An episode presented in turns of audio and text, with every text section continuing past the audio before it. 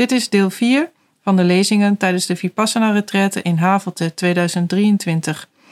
Deze lezing is gegeven door Dingeman Boot en gaat over drie van de vijf spirituele krachten: mindfulness, concentratie en wijsheid. Je wordt aanbevolen om in ieder geval eerst deel 3 te beluisteren en optioneel ook deel 1 en 2 door Gerjan Schoenmaker.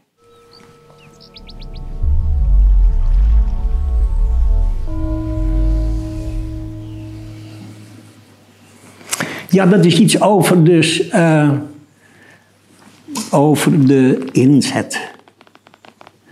En in een bepaalde fase wordt dan ook wel gezegd van dat mediteren, ja, dat is natuurlijk een hulpmiddel. Maar het gaat er vooral om te zien. Te zien.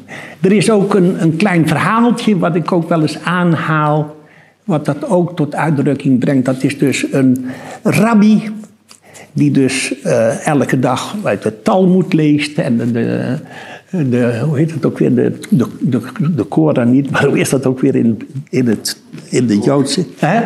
De, de, de, de, de Torah. De Koran, ja, precies.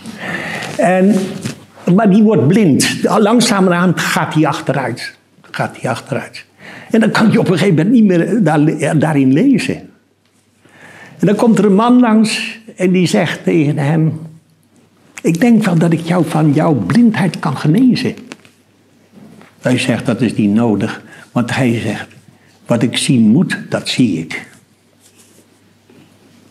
Dat zegt alles. Wat ik zien moet, zie ik. Ik hoop dat jullie dat begrijpen wat daarmee bedoeld wordt. Ja. Dus dat is het zien. Dat is het zien. Beetje. Daarom is het zo belangrijk dat je ook.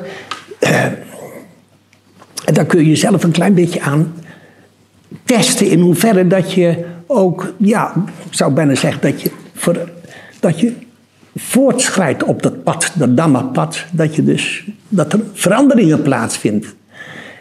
Zolang dat je dus nog in die reactiviteit zit, hè, en we zitten allemaal, de meeste mensen zitten dus in die reactiviteit van dit zou anders moeten, dit zou zus moeten, en dit is goed, dit is niet goed enzovoort.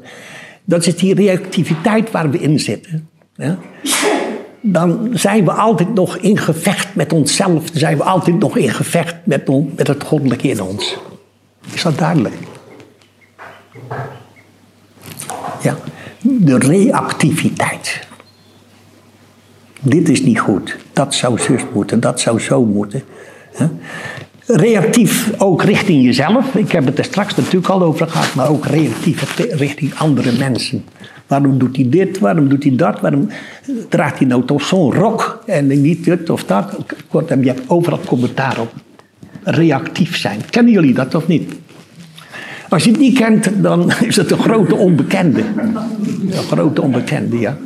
En heb geduld met jezelf, want je kunt er niet in één dag van afkomen. Vergeet het maar. Ja? Maar kijk er helder naar, naar je reactiviteit. Ja, die reactiviteit. Ik ga naar de volgende en dat is dus gewaarzijn. En je zou kunnen zeggen dat gewaarzijn het allerbelangrijkste is.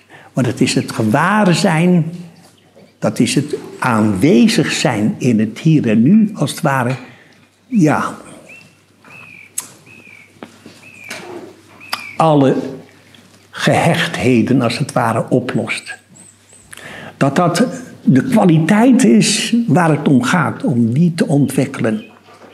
Er zijn leraren, ik heb ze meegemaakt, die dus aanbevelen om hele dagen gewaar te zijn, om dat te beoefenen. Steeds weer opnieuw gewaar zijn. En wat we hier doen in deze retraite, dat is natuurlijk toch dat gewaar zijn te beoefenen. Ja? Het ontwikkelen van gewaarzijn, zo wordt het ook wel genoemd. En de sutra, de leerrede van de Boeddha die daarop betrekking heeft, die heet Maha, Maha. Dat is de sutra voor het ontwikkelen van sati. En sati, dat is het Pali-woord voor gewaarzijn. Mindfulness, opmerkzaamheid. Ja. Daar gaat het om. En het is door gewaarzijn, en dat, Daar komen alle leraren mee. Alle leraren. Uit het boeddhisme, uit het hindoeïsme, uit het, uit het soefisme. Alle gewaar zijn. En er staat dus, dus die leerreden waar ik het dan over heb, er staan dus vier velden van zijn. De eerste is het lichaam, kun je nagaan. Dat Boeddha heeft hij een heel stuk over uh, uh, naar voren gebracht. Hoe belangrijk het is ook het lichaam te gebruiken als object van gewaarzijn. Ja? Van dat je dus beseft dat je staat. Dat je je bewust bent dat je ligt. Dat je bewust bent dat je loopt enzovoort. Kortom, dat je je lichaam bewust bent en in alle houdingen en wat je er verder mee doet. Dus heel belangrijk. En wat we morgen doen, dat is dus niet zomaar iets, maar dat is heel ondersteunend voor je proces. Tweede is je gevoelens. En de derde, dat is alles wat te maken heeft met wat zich aan verschijnselen in je bewustzijn eh, zich manifesteert. En dat vierde, dat is moeilijk om dat even uit te leggen, maar dat heeft te maken met bepaalde delen, zoals bijvoorbeeld ook, de, daar valt dus ook, zeg maar, de vier nobele waarheden valt daaronder. Ja?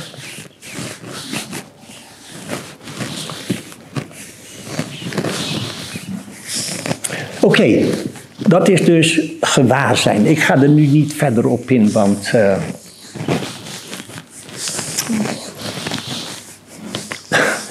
Er is natuurlijk al zoveel over gezegd. Deze dagen, gisteren en eergisteren. Ja. Het ontwikkelen van gewaarzijn. Heeft iemand daar nog een vraag over? Of begrijpt iemand wat, wat ermee bedoeld wordt? Ik snap nummer drie niet. Wat zeg je? Ik snap nummer drie niet. Je snapt het niet? Nee, nummer drie. wilt u dat nog eens uitleggen? Dat is alles wat zich in je bewustzijn plaatsvindt. Wat, zich, wat er langskomt aan gedachten, herinneringen enzovoorts enzovoorts. Ja, dat, is, dat is het derde veld. Ja. En dan vier, vier dat is dus concentratie. En concentratie, daar zal ik kort in zijn. Er valt natuurlijk ook heel wat over te zeggen. Maar je zou kunnen zeggen dat concentratie ondersteunend is in het hele proces van gewaarzijn. Dat je in staat bent om zo gewaar te zijn dat je je aandacht kunt richten op één object. Normaal is het zo, jullie weten dat ook wel toen je begon met de meditatie, dat je mind, hè, dat die van tak naar tak springt. Dat wordt wel eens vergeleken zoals een aap die van tak naar tak springt. Maar concentratie is het vermogen wat je ontwikkelt om je aandacht op één object te richten. Als een laserstraal zou ik haast willen zeggen. Ja? Dat is concentratie. Ja? En ja, er zijn ook wel eh, eh, retraites die uitsluitend, uitsluitend zeg maar, gericht zijn op die concentratie. Ja? En dan kom je dus in de zogenaamde jhana's. Dat zijn ook bepaalde gemoedstoestanden waar je dus ook heel verheven in kunt voelen. Wat Boeddha ook zeg maar, eh, heeft beoefend. Daar is hij mee begonnen. Maar daar is hij uiteindelijk mee gestopt, omdat hij inzag dat hem dat niet tot totale bevrijding zou kunnen leiden. En toen heeft hij dus een fase meegemaakt dat hij uh, uh, ascese beoefende, samen met zijn spirituele vrienden. En toen heeft hij ook ervaren dat dat ook niet werkte. En dat vind ik altijd wel mooi. Toen kwam hij in een fase dat hij zich herinnerde dat hij toen hij heel jong was, ergens toen hij onder een appelboom stond of was, dat hij op een natuurlijke wijze aan het mediteren was. En dat vormde voor hem, als het ware, een stimulans of een soort inspiratie om op die manier verder te gaan. Op een natuurlijke wijze mediteren. Ja? Dus dat is wat betreft die concentratie. Ja, die concentratie die is vooral ondersteunend.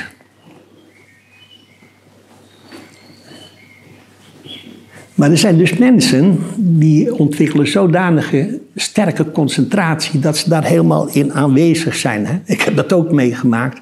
En dat vind, je, dat vind je fantastisch, omdat nou ja, het gaat allemaal vanzelf. Maar toen eh, werd, was er het einde van die retraite. En toen, een, week of twee later, kwam er dus een andere retraite waar ik aan meedeed. En toen wou ik verder gaan op dezelfde manier, maar dat lukte van geen kanten. En toen zei de leraar tegen mij: Ik denk dat het wel goed is voor jou dat dat niet meer kan. Laat, die, laat die sterke concentratie maar eens los, zegt hij. Want hij zegt: Dan zit je op een gegeven moment ook in gevangen. Ja? Het kan ook een vlucht zijn, die sterke concentratie. Maar probeer het te zien vooral als ondersteuning voor het beoefenen van gewaarzijn. Dat is denk ik heel belangrijk. En dan komen we bij de laatste eh, spirituele kracht, dat is wijsheid. En wijsheid is de vrucht van de meditatie. Ja, daar kun je heel veel over zeggen, maar je zou kunnen zeggen: de belangrijkste vrucht, en ik heb het al gezegd, is liefde en wijsheid. Het is via de weg van de meditatie dat je bezig bent om de obstakels tot jouw bron, de bron van liefde, om die als het ware op te ruimen. Zodat jouw liefde steeds ja, zich meer en meer gaat manifesteren. Ja? En het is dus door te zien, te zien dat je steeds meer gaat zien via de weg van de meditatie wat de werkelijkheid is. Ja? Men zegt dus niet voor niks dat via de weg van de meditatie dat je gaat zien zoals dingen werkelijk zijn. Ja, werkelijk zijn. En dat, ja, dat houdt enorm veel in. Dat houdt dus ook in dat je hele levenswijze, dat die dus daardoor eh, ja, zich, zich, zich wijzigt. Ik noem maar eens een punt. Normaal is het zo dat je erg beheerst wordt door verlangens. Wat natuurlijk te maken heeft met hebzucht en begeerte enzovoort. En dat je gaat zien dat, dat het achterna lopen en het proberen, het vervullen van al die verlangens, dat jou dat niet gelukkig maakt. Want het ene verlangen is vervuld en het andere verlangen dient zich weer aan.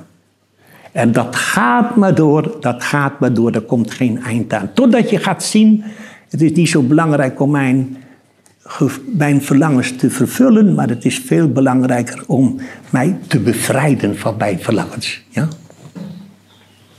En dat je ook gaat inzien dat je door, en dat is ook door liefde, dan kom je, want als je dus naarmate, naarmate je meer en meer door die liefde als het ware beheerst wordt, dan heb je die leefregels, waar we dus de eerste avond mee bezig zijn geweest, heb je niet meer nodig. Want die leefregels die zijn gebaseerd op liefde. Dat is de onderliggende kracht. En als je dus die liefde in jezelf gaat manifesteren, dan ga je op een natuurlijke wijze respectvol met de andere mensen om. En dan ben je eerder vrijgevig in plaats van dat je iets naar je toe haalt. En dan zul je ook zeg maar, ja, huwelijken respecteren. Je zult dus ook waarachtig zijn in je spreken en je zult ook respectvol omgaan met je lichaam en ook met je mind. Ja? Dus dat gaat allemaal op een natuurlijke wijze. Men zegt ook wel dat, uh, dat we hebben dus te maken met vipassana-meditatie, dat betekent inzichtmeditatie. En men zegt ook wel dat inzichtsmeditatie dat dat vooral betrekkend heeft op het inzicht in de zogenaamde drie karakteristieken. En dan stop ik daar nou hoor. De drie karakteristieken. En wat zijn die drie karakteristieken die dus gelden voor alle verschijnselen waar je in de meditatie en ook in het dagelijks leven mee te maken hebt?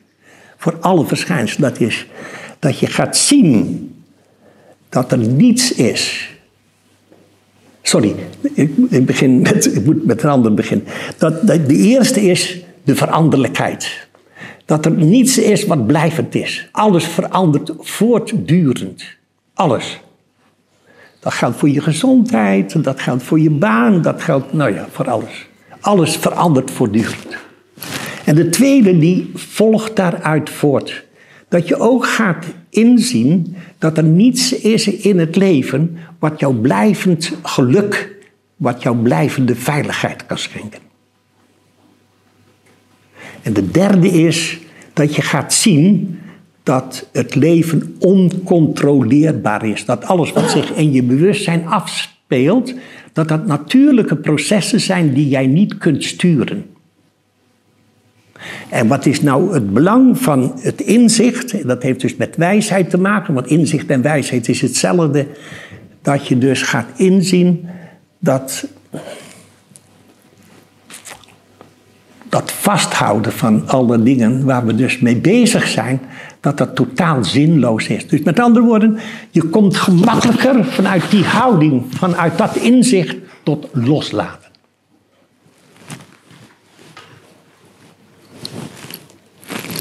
En daarmee stop ik. Er is nog veel meer te vertellen, maar is, uh, ik denk, misschien heb ik jullie al een klein beetje overvoerd. Dat kan ook nog. Is er iemand die nu direct een vraag heeft?